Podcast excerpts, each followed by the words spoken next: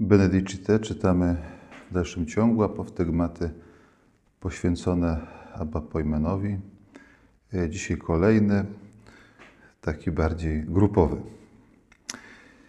Kapłan z Peluzium dowiedział się kiedyś o pewnych braciach, że często chodzą do miasta i używają tam łaźni i postępują lekkomyślnie. Przyszedł więc i gdy zebrano się na modlitwę, odebrał im habity. A potem sumienie zaczęło mu czynić wyrzuty i pożałował tego.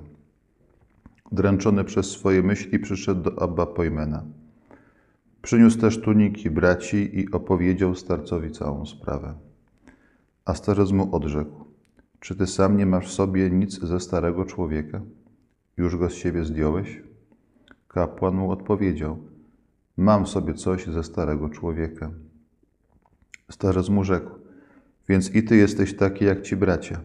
Jeśli masz w sobie choć odrobinę dawnych skłonności, jesteś tak samo podległy grzechowi. Wtedy kapłan odszedł i wezwał braci. Upadł na twarz przed tymi jedenastoma, oblógł ich znowu w habit i odprawił ich. Może wydawać nam się trochę szokujące, że ten kapłan odebrał habity braciom, dlatego, bo chodzili do łaźni.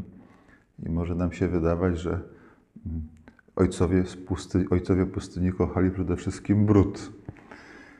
I rzeczywiście jednym z takich ćwiczeń, którym się poddawali, było powstrzymywanie się od wizyt w łaźni, ale wiązało się to nie tyle z umiłowaniem brudu, co z chęcią unikania takich miejsc jak łaźnia.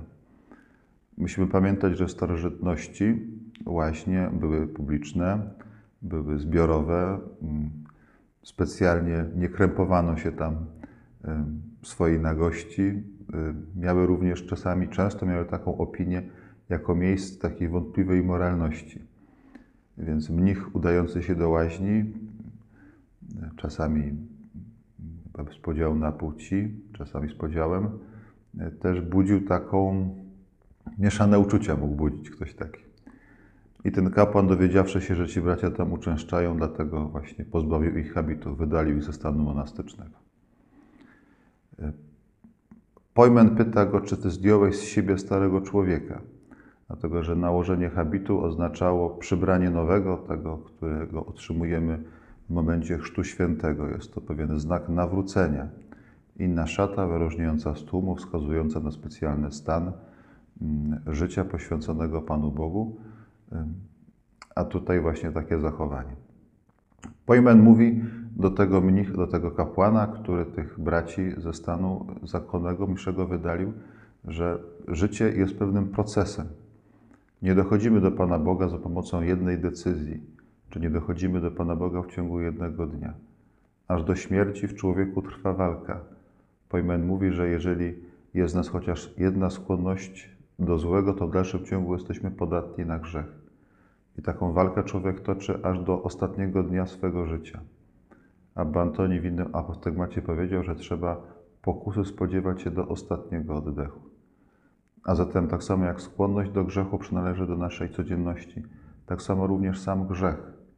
Człowiek upada bardzo często, ale nie powinno być to dla niego przyczyną do tego, żeby zwątpić w siebie, ale powinno być ostrogą do tego, żeby jeszcze bardziej uwierzyć w Boże miłosierdzie.